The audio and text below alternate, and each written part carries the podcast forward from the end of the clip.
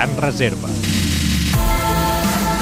Avui faria 83 anys Sonny Liston, campió mundial dels pesos pesants. El boxejador nord-americà venia d'una família molt humil. No va anar a l'escola fins als 16 anys i va estar un any complint pena a la presó de Missouri per assalt a mà armada. Allà va conèixer el pare Stevenson, el director d'esports del centre, que el va ensenyar a boxejar. Liston va debutar professionalment als 21 anys en un combat contra Don Smith, a qui va tombar el primer assalt.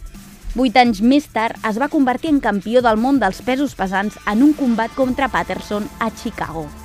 Després de mantenir-se com a número 1 durant 3 anys, Liston va perdre el títol del campió del món contra un joveníssim Muhammad Ali i ja mai més el va poder revalidar.